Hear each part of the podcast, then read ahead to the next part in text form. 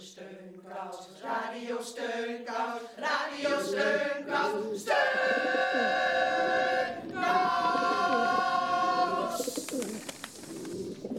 Heel hartelijk welkom bij Radio Steunkous.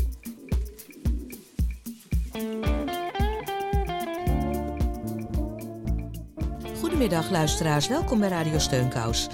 Uh, vandaag is het 4 mei uh, en dus vanavond is er dodenherdenking op de Dam. En vandaar dat wij er alvast zijn neergestreken. Ja, die herdenking die blijft vaak uh, onderwerp van discussie. Wat is nu precies belangrijk om te herdenken en wat hopen we voor lessen te leren door te herdenken? Ja, vorig jaar werd herdacht dat Auschwitz 75 jaar geleden werd bevrijd. En tijdens die herdenking hield de Poolse Auschwitz-overlevende en historicus Marian Turski een memorabele toespraak waarin hij pleitte voor een elfde gebod. Gij zult niet onverschillig zijn. En daarmee bedoelde hij dat we niet onverschillig moeten blijven bij het onrecht dat anderen wordt aangedaan. Nou, dat lijkt me dan wel een heel mooi motto voor onze 4 mei-uitzending.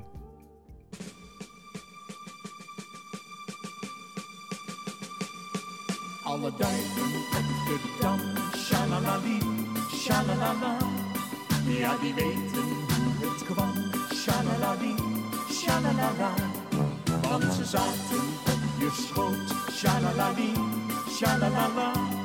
En je gaf ze stukjes brood, shalalali, shalalala.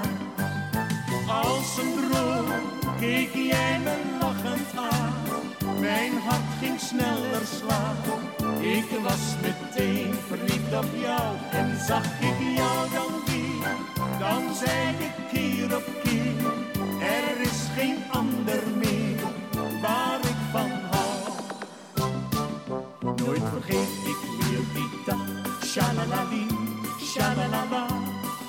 Dat ik jou voor het eerst daar zag, shalalali, shalalala.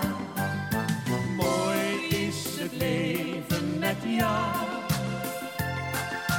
Jij bent de zon in mijn leven. Door deze duiven zijn wij nu een paar, want zij brachten ons twee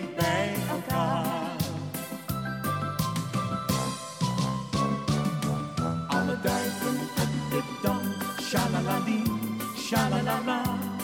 Ja, die weten hoe het kwam, shalalali, shalalala. Want ze zaten op je schoot, shalalali, shalalala.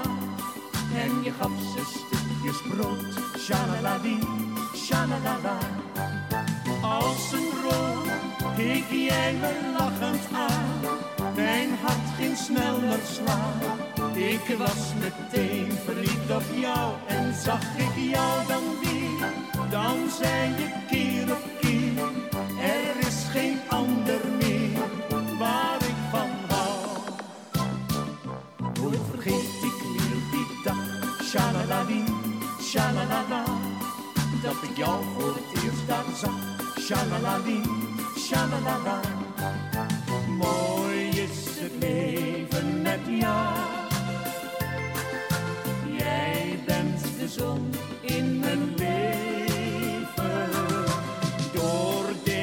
Duiven zijn wij nu een paar, want zij brachten ons twee bij elkaar.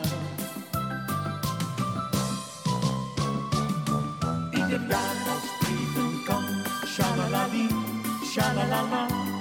Gaan we weer naar Amsterdam, shalalali, shalalala. Daar de duiven op het plein, shalalali, shalalala. Omdat we zo gelukkig zijn, shalalali, shalalala, shalalali, shalalala, shalalali, shalalala. Traditiegetrouw hebben we de eerste dinsdag van de maand altijd Ada Biesheuvel aan de telefoon.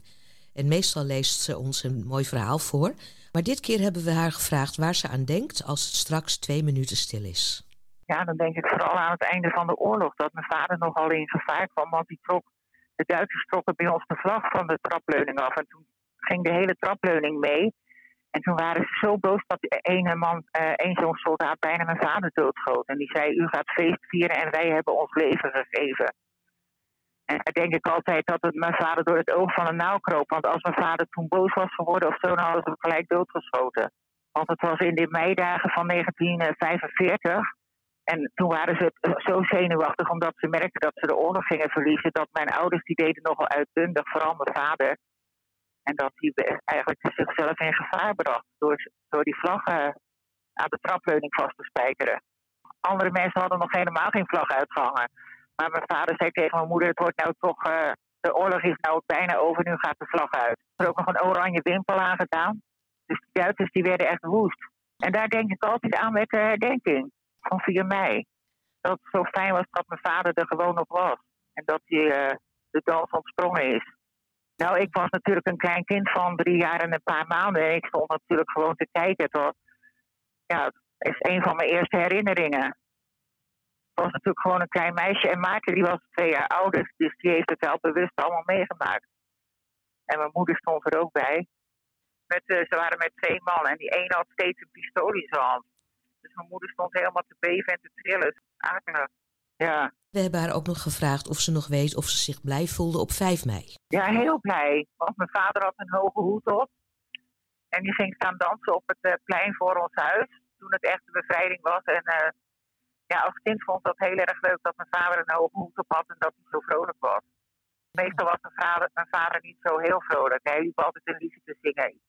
Die zwijfnis was vol eens bedeutend dat ze iets zo trouw is. Weet je wel? We hebben een heel bekende lied. Mijn vader was ook een beetje melancholisch. Daar heeft Maarten denk ik ook een beetje van gekregen. Ja, en ik ook een beetje. Ik moet altijd een beetje vechten voor, voor een opgewekt gevoel. ja, we kunnen ons niet zomaar laten gaan, want dan gekomen in drijfzand terecht. Dag Marjolein. Dag, tot ziens. Ich weiß nicht, was soll es bedeuten, dass traurig bin. Ein Märchen aus uralten Zeiten, das kommt mir nicht aus dem Sinn. Die Luft ist kühl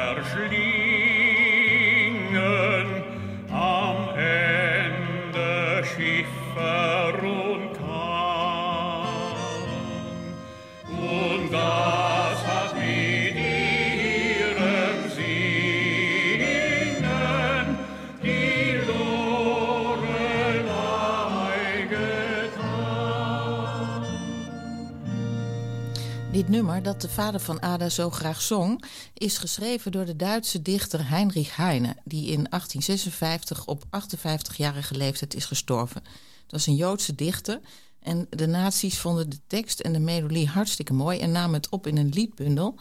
Maar ze schreven erbij dat de schrijver van het lied onbekend was. Ja, onbekend is ook gebleven hoeveel doden en gewonden er zijn gevallen bij de beschieting uh, op 7 mei 1945 op de Dam. Terwijl de Dam die middag zwart zag van de mensen die de bevrijding aan het vieren waren, uh, begon een aantal Duitsers vanuit de grote club op de hoek van de Kalverstraat op de menigte te schieten. Ja, en ooggetuige Marij Ann was een van de duizenden die op dat moment van de beschieting niets vermoedend met haar vriendje en vriendinnetje op de Dam feest stond te vieren. Ik was met vrienden. Al in die leeftijd, 12, 13 jaar waren we geloof ik zoiets. En wat deed u daar? We, we, de, we kregen de intocht over de Berlage brug. En we woonden toen op de Churchillaan. Ook in die buurt, want er waren de vrienden en vriendinnetjes. En wij gingen als groep op, naar die tanks. En wij mochten op die tanks zitten. Dan kreeg je chocola en allerlei lekkere dingen. En we mochten meerijden tot aan de Dam. Door de Vijzelstraat en zo. Feestvreugde alom. En al het werd, de groepen werden hoe langer hoe meer jongelui. Met, en toen kwamen we op de Dam. En daar stokte het. En die Amerikanen die gingen hun wegs. Maar toen zaten op de grote club zaten een stelletje Duitsers. En die konden ons niet luchten. En die zo hebben het zo met de mitrailleurs afgeschoten op de menigte. Nou, daar stond ik tussen. Vriendinnetje van mij in de rug geschoten. Vriendje van mij trok mij weg en toen kwam zij in mijn plaats te staan. En bleek dat ze de kogel in de rug had. Het werd een, nou, een gedrang en gedrang. Je liep over de mensen heen. Je, je, realiseerde helemaal niet dat de mensen op de grond lagen. Want er moest één ding weg van die dam. Want die kogels die bleven maar. En je zag steeds mensen met kinderwagens omge, omgeturnd. Dat was vreselijk. En toen kwamen we bij de, op het hoekje bij de Rode Leeuw. Dat is daar een café. Daar werden we met z'n allen naar boven gedrukt. Vriendinnetje van me liep ook mee helemaal niks aan de hand. Totdat boven komt. Ze zei, oh mijn rug. En toen zakte ze in elkaar. En toen bleek later, want ze lag op de grond en ja, iedereen was bezig om, om hoger, hoger, want er werd steeds meer mensen aangevoerd. En toen bleek dat ze, dan, uh, ze is ook overleden. Ja, niet op dat moment, maar later. En toen kwam ik thuis, toen ik op mijn donder gehad van mijn vader. Dat was niet mooi meer. Want die hoorde dat het altijd gevechten waren in de, stad op de radio. En die wist dat ik met een paar vrienden en vriendinnetjes daar naartoe was op die tanks. Nou ja, dat was het. Ja, en zij is overleden toen. Ja, dat, herinner ik me heel goed. Dat zal ik nooit vergeten. En daarom, ik zal het nooit in een massa mensen belanden. In het begin dorst ik helemaal niet eens in de, in de tram meer, in de bus niet meer. Als ik maar te veel ben, daar ben ik nu overheen. Maar ik kijk wel altijd waar de uitgang is. Voordat ik. Uh, en de deur op de wc doe ik ook nooit op slot. Het moet altijd open, blijven, open blijven, dat ik weg kan rennen. Ja, u denkt dat u dat daaraan al? Ja, weet ik zeker. Ja? Dat heb ik nooit gehad. Ja. Dat heb ik nog. Moeten zij altijd buiten blijven staan en let op de deur. Op een kiertje. Ja, god ja. Dat was dat. Het was vreselijk toen.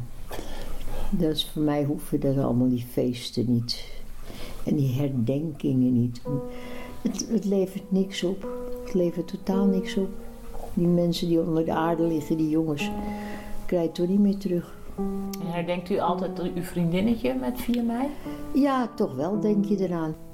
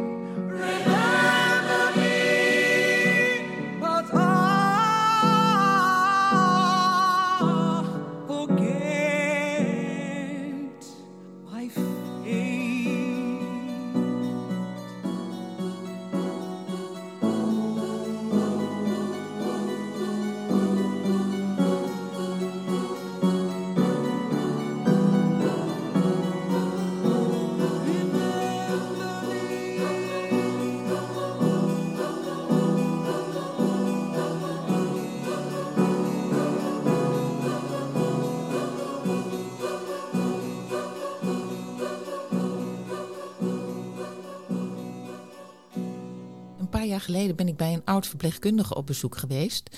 En zij heeft die schietpartij op de Dam ook meegemaakt en, en gewonden geholpen daar. Dus is zeker niet onverschillig geweest. Wij gingen naar buiten en toen hoorden we dat geknal en gedoe. En toen zijn we meteen naar het Rokin gelopen. En nou ja, daar, daar vielen de schoten. Dus mensen die gewond waren, mochten wij bij de woningen die daar op het Rokin zijn, die hebben daar die lage woningen. Mochten wij de mensen naar binnen dragen. In die eerste tijd hebben we daar dus zoveel mogelijk gedaan totdat er voldoende hulp kwam. En hoe waren die mensen eraan toe? Nou, behoorlijk slecht. Want ja, er werd goed rondgeknald hoor. En was u niet zelf bang dat u uh, nee, hebben we nooit. worden? Nee, want dat heb ik later nog aan mijn kamergenootje toen gevraagd. We waren niet bang. Maar als je dan terugdenkt al alles, dan was het toch een, een, een enge gedoe. Je dacht ook niet dat je zelf een kogel kon krijgen. Daar dacht je helemaal niet aan. Je ging gewoon je werk doen en toen er dan meer hulp kwam, wat ze toen allemaal gedaan hebben, weet ik niet. Want wij moesten weer naar de zaal. En had u ook meteen in de gaten wat u kon doen? Nou, de mensen wegtrekken. En als ze dus bloedend of iets hadden. Dan had je van die huizen die die hadden lagen in entree. En dan konden we ze laten rusten dan. En hoe kijkt u daar nou op terug? Uh, ja, ik, ik weet het niet. Het is niet van iets van held of zo. Gewoon je doet het op dat moment. En daar denk je verder niet over na, want we hebben er ook niet over nagedacht dat we ook wel een kogel in onze rug konden. Hebben we helemaal nooit aan gedacht.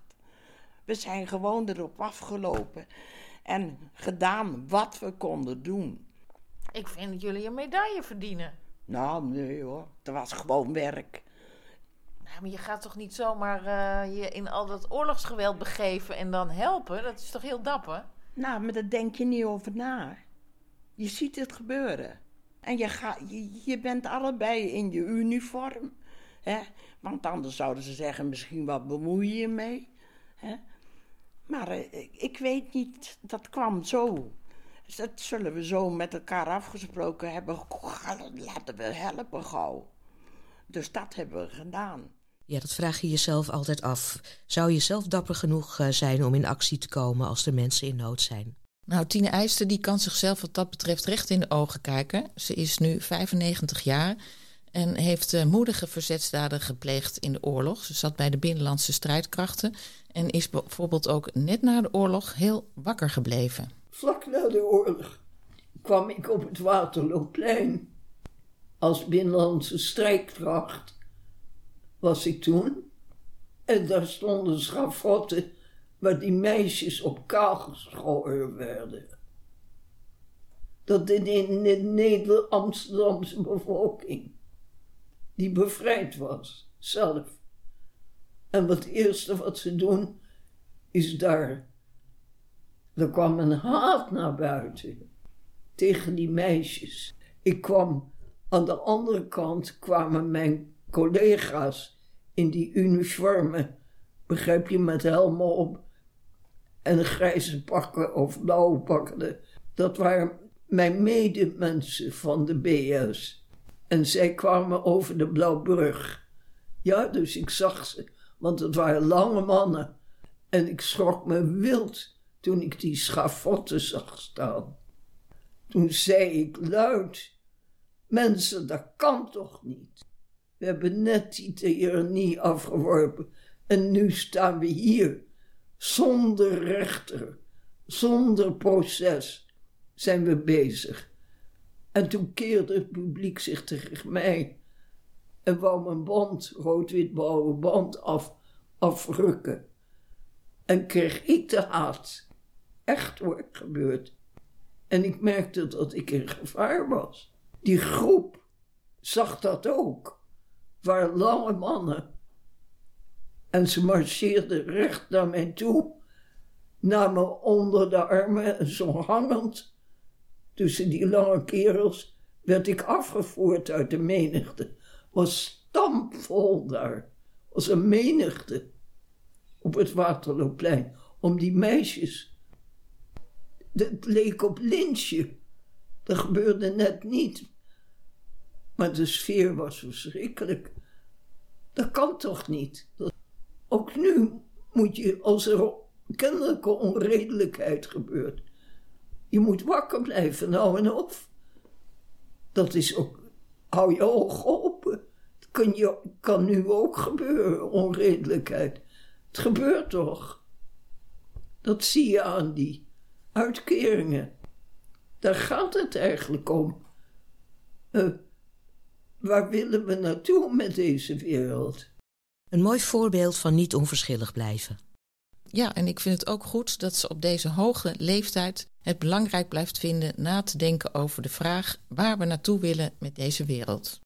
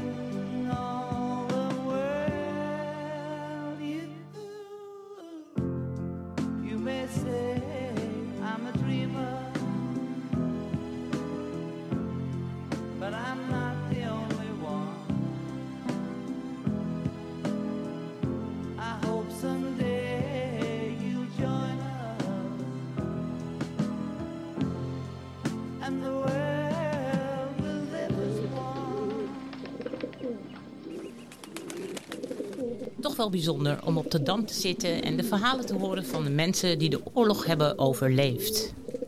Vandaag op 4 mei herdenken we de doden. Maar vanwege corona kan het ook dit jaar het samen herdenken om 8 uur bij een oorlogsmonument niet plaatsvinden. Het Amsterdams 4 en 5 mei-comité, het Joods Cultureel Kwartier en ruim 46 herdenkingscomité's in de stad roepen daarom op om vandaag wandelend in je eigen buurt alleen of met z'n tweeën te herdenken. En speciaal voor vandaag zijn er verschillende initiatieven ontwikkeld om door je buurt te dwalen en de verhalen achter de oorlogsmonumenten te lezen. Zo schreef Estella Heesen in opdracht van de stichting Kindermonument een herdenkingsboekje met daarin de verhalen achter 14 oorlogsmonumenten in de rivierenbuurt De Pijp en Buitenveldert. En een van de verhalen uit haar boekje is het verhaal van verzetstrijder Gerrit van der Veen. Samen met Estella liep ik door een deel van de rivierenbuurt op zoek naar de woning aan de Zomerdijkstraat, waar een Oh ja, hangt eh, hangt. Pakket erboven. Ja. Nummer 22. Hier woonde, leefde en werkte Gerrit van der Veen, gefusilleerd 10 juni 1944 voor het vaderland. Heel mooi met een ketting in, in, eh, in koper. En twee, eh, ja wat zijn het? Vredesduiven? Vrijheidsvogels, ja. ja. Zoals vredesduiven. Zoiets. Maar goed, eh, Maar dit verhaal van Gert van der Veen, dat heeft jou het meest eh, aangegrepen? Of was je Ja. het meest zo ge- gefascineerd geraakt? elk monument heeft natuurlijk zijn verhaal. Maar Gerrit van der Veen sprong er echt wel uit omdat hij gewoon een ja, hele bijzondere man was. En ook ontzettend veel gedaan heeft. Heel onverschrokken, echt nergens bang voor. Ja, en uiteindelijk, eh, ik werd echt ontzettend getroffen door de brief die hij aan zijn vrouw schreef vlak voordat hij eh, vermoord werd. Hij is gefusilleerd in eh, Overveen. eh, en van tevoren schrijft hij een brief aan zijn vrouw, waarin hij ja, zichzelf heel klein maakt. En zegt van dat er miljoenen mensen zijn overleden en nog veel meer wellicht zullen doodgaan. En dat hij daarbij eh, helemaal niets is. Eh, ik werd daar zo door getroffen dat je, ja, dat je zo groots kan denken op zo'n dramatisch moment eigenlijk. Die man eh, die heeft ontzettend veel gedaan om de bezetter dwars te zitten. En dan uiteindelijk ja, word je opgepakt en dan in één keer is het over. En dat is niet alleen voor hem, dat is voor heel veel mensen zo gegaan. In één keer ja, kwam je niet meer thuis. Want hij was verzetstrijder. Hij is in de jaren twintig is hij naar eh, Curaçao eh, gegaan om daar te werken bij een eh, oliemaatschappij. Op een gegeven moment is daar een keer brand in de haven ontstaan op een olietanker. Hij heeft die brand geblust. In zijn eentje, zo gaat het verhaal. En het bedrijf waarvoor hij werkte was daar zo enorm dankbaar voor. Als hij dat niet had gedaan was de hele haven ontploft dat hij een beloning kreeg. En hij heeft gekozen om uh, terug naar Nederland te gaan en een uh, opleiding aan de kunstacademie hier in Amsterdam uh, te gaan volgen. Nou, dat heeft hij gedaan. Hij is beeldhouder geworden. En in 1932 is hij hier op de Zomerdijkstraat gaan wonen. Toen werden de atelierwoningen in de Zomerdijkstraat gebouwd. En hij was eigenlijk al voor de oorlog al ja, gewoon antifascistisch en sprak zich daar hard tegen uit. Maar nou toen de Duitsers uh, Nederland bezetten, toen hij moest op een gegeven moment een ARIA-verklaring voor zijn werk ondertekenen. Nou, meteen uh, liet hij weten dat hij dat niet ging doen. En hij heeft dat werk ook gelijk stopgezet. Vervolgens in ja, de loop van uh, 1940 kwamen de Duitsers met het plan om een cultuurkamer in te stellen. Waar alle kunstenaars lid van moesten worden. Het moest een soort gilde worden. En uh, ook daar was hij fel tegen kant. Hij schreef een manifest waarin hij daar dus zijn afschuw over uitsprak. Waarop hij eigenlijk meteen is opgepakt. En heeft een paar dagen vastgezeten. En toen hij vrijkwam is hij eigenlijk meteen ondergedoken. Ja, hij kwam eigenlijk van Lieverlee kwam hij in het verzet, verzet terecht. Hij was enorm actief daarin. En uiteindelijk is hij uh, begonnen met het namaken van persoonsbewijzen. En dat is echt heel groot geworden. Zij hebben in die periode van 41 tot 43 ongeveer 80.000 uh, valse persoonsbewijzen gemaakt. Met de tijd kwam natuurlijk het idee om ook niet alleen dit soort dingen te doen, maar ook gewapend zich te verzetten. En ja, daar staat uh, Van der Veen eigenlijk onbekend dat hij een aanslag gepleegd heeft op het bevolkingsregister op de plantage Middelaan in 1943. Uh, er zijn een heel groot aantal mensen opgepakt. Van der Veen is ontkomen. Die man was zo onverschrokken, maar werd ook steeds roekelozer. Uiteindelijk heeft hij meegewerkt aan de bevrijding van een aantal verzetsmensen in het Huis van Bewaring uh, in de Weteringschans. Nou, dat is uiteindelijk misgelopen. Waarschijnlijk dat het verraden is. Gerrit van der Veen is uh, beschoten en is door zijn vrienden naar buiten uh, weggebracht naar een onderduikplek op de Prinsengracht. En hij kon niet meer lopen. Hij wilde niet weg daar. Uh, hij dacht, ja, misschien kan ik nog uh, coördineren, uh, verzetsactiviteiten. Terwijl heel veel mensen hem aanraden van, ga weg uit Amsterdam. Heeft hij niet gedaan. En twee weken daarna werd hij waarschijnlijk door verraad opgepakt. En de dag daarna meteen berecht. En ook dezelfde dag gefusilleerd. Ik vond het echt ja, een heel groot, heel groot verzetsman zonder angst eigenlijk, eh, denk ik altijd. Ja. Op het adres waar Gerrit van de Veen woonde, woont nu Jet Schep. Zij is beeldend kunstenaar en heeft onder meer het beeld van Anne Frank op het Merwedeplein gemaakt. Het beeld staat pal voor het huis waar Anne negen jaar woonde. Jet nodigde mij uit in haar atelier en liet mij het gipsen beeld zien dat model heeft gestaan voor het uiteindelijke bronzen beeld van Anne. Dit is het gipsen beeld van het uh, beeld. Ja, het gips heeft als model gediend ja. voor het brons. Ja. Kunt u het beschrijven hoe Anne Frank op het beeld staat? Want u heeft wel gekozen voor deze nou, houding. dat is, dat is een bladzij uit, de, uit het dagboek. Ze beschrijft daar wat ze allemaal aan heeft en hoe ze daar weggaan van dat, van dat ja. Merwedeplein.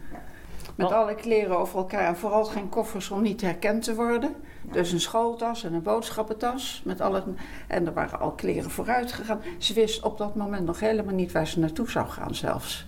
Het adres dat was nog helemaal niet bekend. Gewoon maar, ja, ga, ga er maar heen lopen. In de regen en, en, warm, en, en heel warm weer. Dus ze, dan schrijft ze ook, ik stikte zo wat met al die kleren. Maar niemand die daar iets, die daar, daar iets van vond. Ja, ja. Nee, en ze kijkt ja. ook niet recht vooruit. Ze kijkt een beetje op... Nou ja, ze kijkt ik, ik had bedacht, ze kijkt een beetje om naar haar huis. Maar nu waar, op de plaats waar ze staat, kijkt ze niet echt meer naar haar huis. Maar die, uh, maar die heeft dat wel als achtergrond.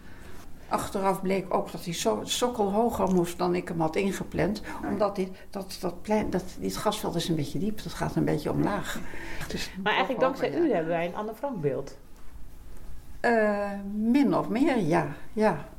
Het was ooit een klein berichtje in de Echo uh, wethouder hier van cultuur, die had bedacht dat het zo mooi zou zijn als daar een beeld zou komen op dat plein. Of iets aan wat Anne Frank deed denken. En toen dacht ik, nou, ze willen het volgend jaar mij al kunnen onthullen. Dus laat ik maar vast wat ontwerpjes maken. En ik hoorde er helemaal niks meer van. Toen heb ik opnieuw aangeschreven. Nou, toen bleek dat ze was teruggefloten door de rest van de gemeenteraad. Die hebben gekozen voor opknap van het pleintje. Het was eventjes van tafel geveegd. Nou, toen kwam tien jaar later kwam het weer, kwam het weer omhoog, het, het voorstel. En nadat het geëxposeerd was geweest in Purmerend en daar gekocht door de gemeente. ja, Nou ja, toen was, er, was het ineens weer levender, weer, le- weer levend het onderwerp. En toen is er eerst nog iemand anders in de peiling geweest die, die een beeld zou maken. Die wou een schaduw maken op het trottoir. En toen riep iedereen, wij gaan niet over die schaduw lopen. Nee. En ik dacht, nou, als je een beeld neerzet, heb je een beeld en een schaduw. Ja, ja ook nog. Ja. Maar ehm Jimmink, de boekhandel, hè, waar, dat boek, waar dat dagboek vandaan komt, die, eh, die, wat- die kende dit beeld. En die heeft toen eventjes een actie gevoerd, een handtekeningenactie gevoerd. Ja, toen was het eh, zo, zo gepiept. Ja, die had hij had zo had hij genoeg handtekeningen bij elkaar. Ja. Dus zo, zo is het er gekomen, ja. En wisten jullie dat niet alleen in Purmerend en in Amsterdam dit beeld staat van Anne Frank, maar er staat ook een replica in Buenos Aires in Argentinië? Nee, had ik geen idee van. In, in Argentinië helemaal. Goh. Jacqueline van Maarsen is de laatste nog levende vriendin van Anne Frank. En vorig jaar gaf Jacqueline een interview aan Radio Steunkous. En we herhalen een deel van dit gesprek. Allereerst hoort u hoe Jacqueline Anne leerde kennen en hoe hun vriendschap zich ontwikkelde. In de oorlog moesten we naar een Joodse school. En mijn ik heb een Joodse vader en een katholieke moeder. Maar wij moesten, mijn zus en ik moesten toch naar de Joodse school... omdat we eh, ingeschreven stonden bij de Joodse gemeente. En dan werd je als Jood beschouwd door de Duitsers. Dus daar ontmoette ik haar en de eerste dag kwam ze achter me aan fietsen om de een of andere reden. En ze papte meteen met mij aan, want zo is ze, was ze. En dan meteen mee naar huis en liet me haar zwarte kat zien. En eh, praatte honderd uit en ik ben helemaal niet zo. Dus ze moest echt van alles uit mij trekken. Ze wilde van mij ook alles weten. En eh, twee dagen later zei ze, eh, we zijn beste vriendinnen. En ja, zo was ze. En eh, ach, ik vond het wel goed. Er was meteen een klik. En dat heeft ze blijkbaar, ja, om een, een of andere reden, fietsen achter me aan. Ze had in de klas ontmoet. Maar ik had haar eigenlijk helemaal niet opgemerkt. Maar, eh, nou ja, het was toch zo dat ze achter me aan kwam fietsen. En we woonden bij elkaar in de buurt. Ik woonde in de buurt van de Merwedeplein. En eh, ja, het klikte goed. maar We waren toch totaal verschillend. Maar in welk opzicht was u totaal verschillend? In alle opzichten. Eigenlijk in alle opzichten. Maar we hadden wel dezelfde ideeën. We konden altijd... Nou ja, we waren meisjes van 12 jaar natuurlijk. Maar Anne was wel erg intelligent. En we spraken eigenlijk overal over. En schreef zij toen ook al? Was zij al bezig met schrijven? Of was ze veel aan het lezen? Ze las veel. Ze schreef niet echt veel. Ik denk niet dat ze toen meteen dacht. Eigenlijk kwam het door dat boek wat we aan het lezen waren. Het was een boek van mijn zuster, ehm, van Joop ter Heul.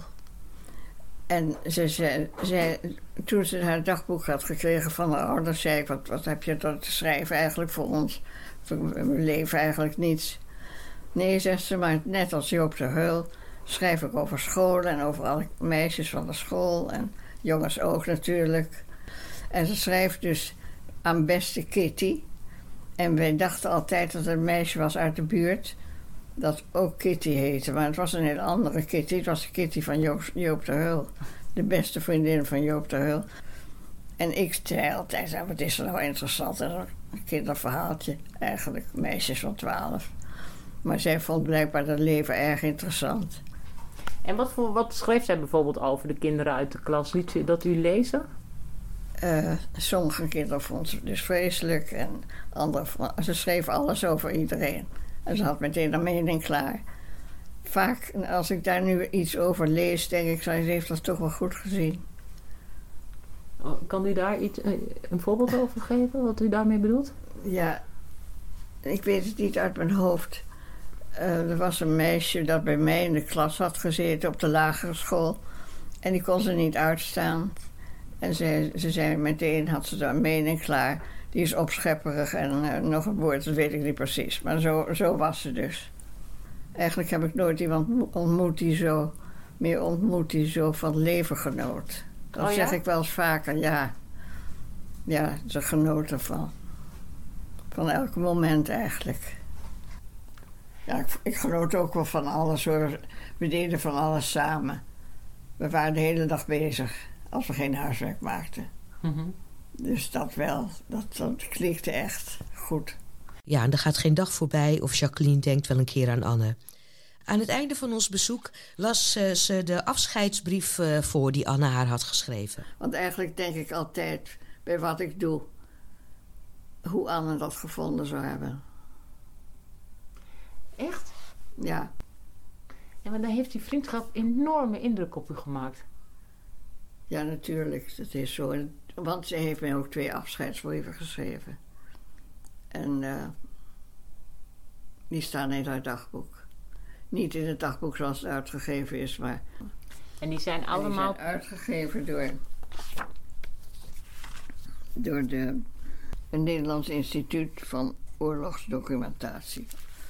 En die heeft dat helemaal uitgegeven, want ehm, er werd soms aan getwijfeld of dat wel echt was. En daar staan twee brieven in En die zij staan- aan u geschreven Ja, daar heeft. staan twee brieven in.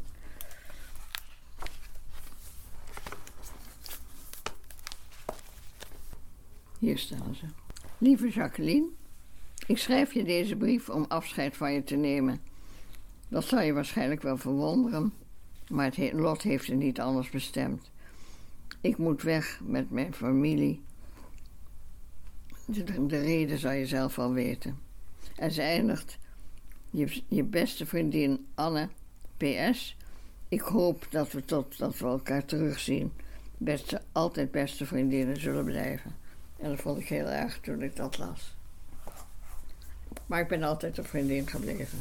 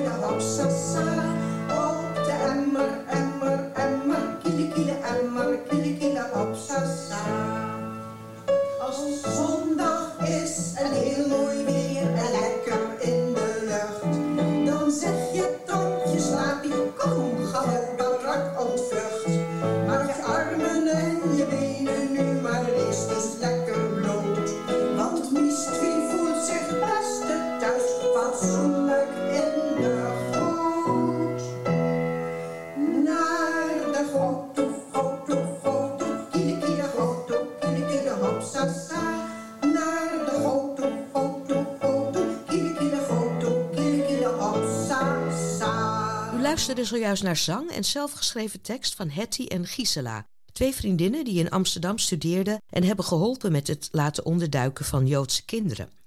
Ze zijn opgepakt en via kamp Vught in concentratiekamp Ravensbrück terechtgekomen. De twee hielden erg van zingen en om zichzelf en anderen op de been te houden, schreven ze liedjes voor elkaar en traden ook in de kampen op als een soort cabaretachtig duo. Beiden hebben de oorlog overleefd en via de podcast Smokkelberne zijn we hen op het spoor gekomen. Ja, en de podcast is zeker aan te bevelen en we zullen een link zetten op onze site www.radiosteunkous.nl. Allemaal verhalen over mensen die zich niet onverschillig hebben gehouden.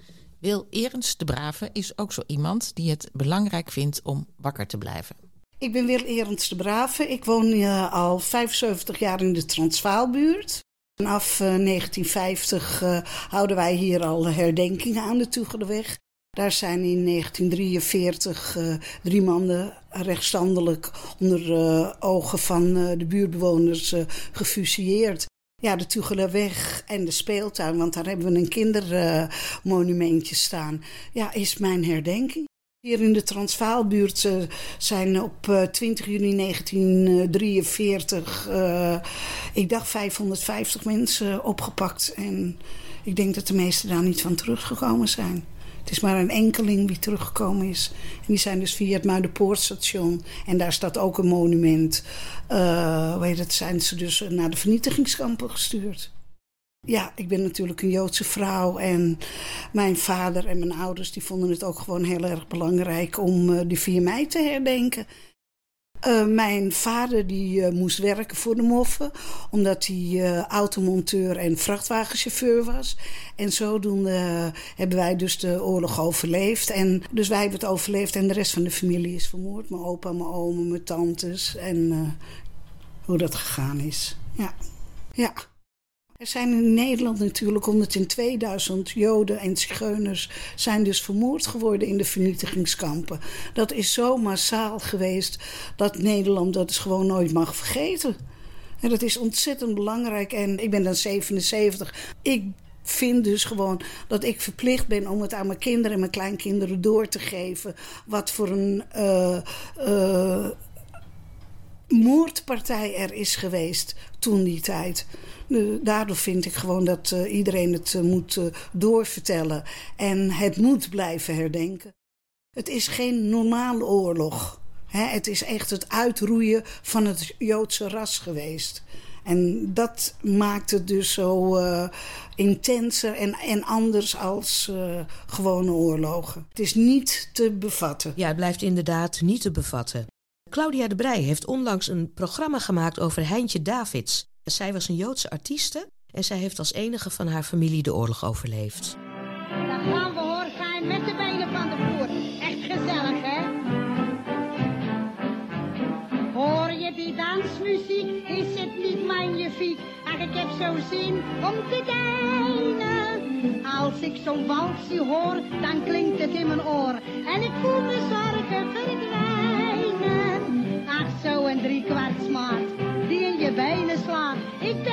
type om te kwijnen. Ik smaat mijn stoffer en blik op de grond. En ik zweef dan meteen in het rond. Daar gaat ie. 1, 2, hup. 1, 2, hup. Dat is mijn lust en mijn leven. 1, 2, hup. 1, 2, hup. Zo door de bal zal te zweven. 1, 2, hup. 1, 2, hup. Het leven dat duurt toch maar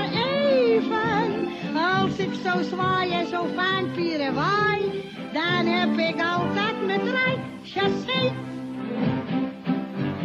Als het mijn avond is, voel ik me kouden fris. En ik zet mijn haar in de krullen. Ik steek me in het mousseline. Mens, dan moet je mijn lijnen zien. Zo in mijn zondagse bullen. Samen met mijn vriendin stap ik de dansing in. Met een paar praten, van knullen. Zo ben ik binnen, dan roep ik, hey broer, met je benen nou van van de vloer. En dan gaan hem hoor. 1, 2, hup, 1, 2, hup. Dat is mijn lust en mijn leven. 1, 2, hup, 1, 2, hup. Zo door de balzal te zweven. 1, 2, hup, 1, 2, hup. Het leven dat duurt toch maar even. Als ik zo zwaai en zo vaampieren waai, dan heb ik altijd mijn draai. Chassé. Dans is mijn element, ik heb toneeltalent. Ben ik nou geen beeld, als ik kniel zo. Ik draai ook een pirouet, ik ga aan het klassiek ballet. Als tweede Venus van Milo. Dansen doe ik wonderschoon, zo op mijn grote toon. Ondanks mijn 90 kilo. Kijk hoe ik huppel, kijk hoe ik zwaai. Zo dans ik de stervende kraai. Dan gaan we hoor, alleen. 1, 2, hup. 1, 2, hup. Dat is mijn lust en mijn leven. Vooruit jongens. 1, 2, hup. 1, 2, hup. Zo door de balzal te zweven. 1, 2, hup. 1, 2, hup. Het leven dat duurt toch maar even. Als ik zo zwaai en zo vaampieren waai, dan heb ik altijd mijn draai. Eh, Met dit vrolijke nummer van Heintje uit 1935 zijn we bijna aan het eind gekomen van eh, deze uitzending. Maar dat doen we niet voordat we nog één keer naar de 95-jarige Tine gaan luisteren. Die eh, zegt wat zij de belangrijkste les vindt die zij geleerd heeft eh, uit de Tweede Wereldoorlog. willekeur en tirannie en chaos. Ook onder de hele bevolking kon die ontstaan. En dat is angstaanjagend. Als de rechtsstaat helemaal wegvalt, de redelijkheid wegvalt, dat is angstaanjagend. En bovendien de nutteloosheid van het vechten, dat het eigenlijk niks oplost. Daarna hebben alle mensen die het meegemaakt hebben gezegd: nooit meer oorlog in Europa. Nooit meer. En dat moeten we blijven zeggen. Al die ouderen zeggen dat met mij. Ja, we hopen maar dat de wens van Tine uit mag komen. En het boekje Wees niet onverschillig, herinneringen en herdenken... dat Estella Ahese schreef over de 14 oorlogsmonumenten in de rivierenbuurt... De Pijp en Buitenveldert... kunt u vandaag gratis ophalen bij de fusiliadeplaats Rozenoord aan de Amsteldijk. Nou, wij blijven hier nog even zitten om de duiven te voeren... en de verhalen die we allemaal gehoord hebben nog even te herdenken. Zorg goed voor uzelf en voor elkaar. En tot volgende week. Tot steunkous.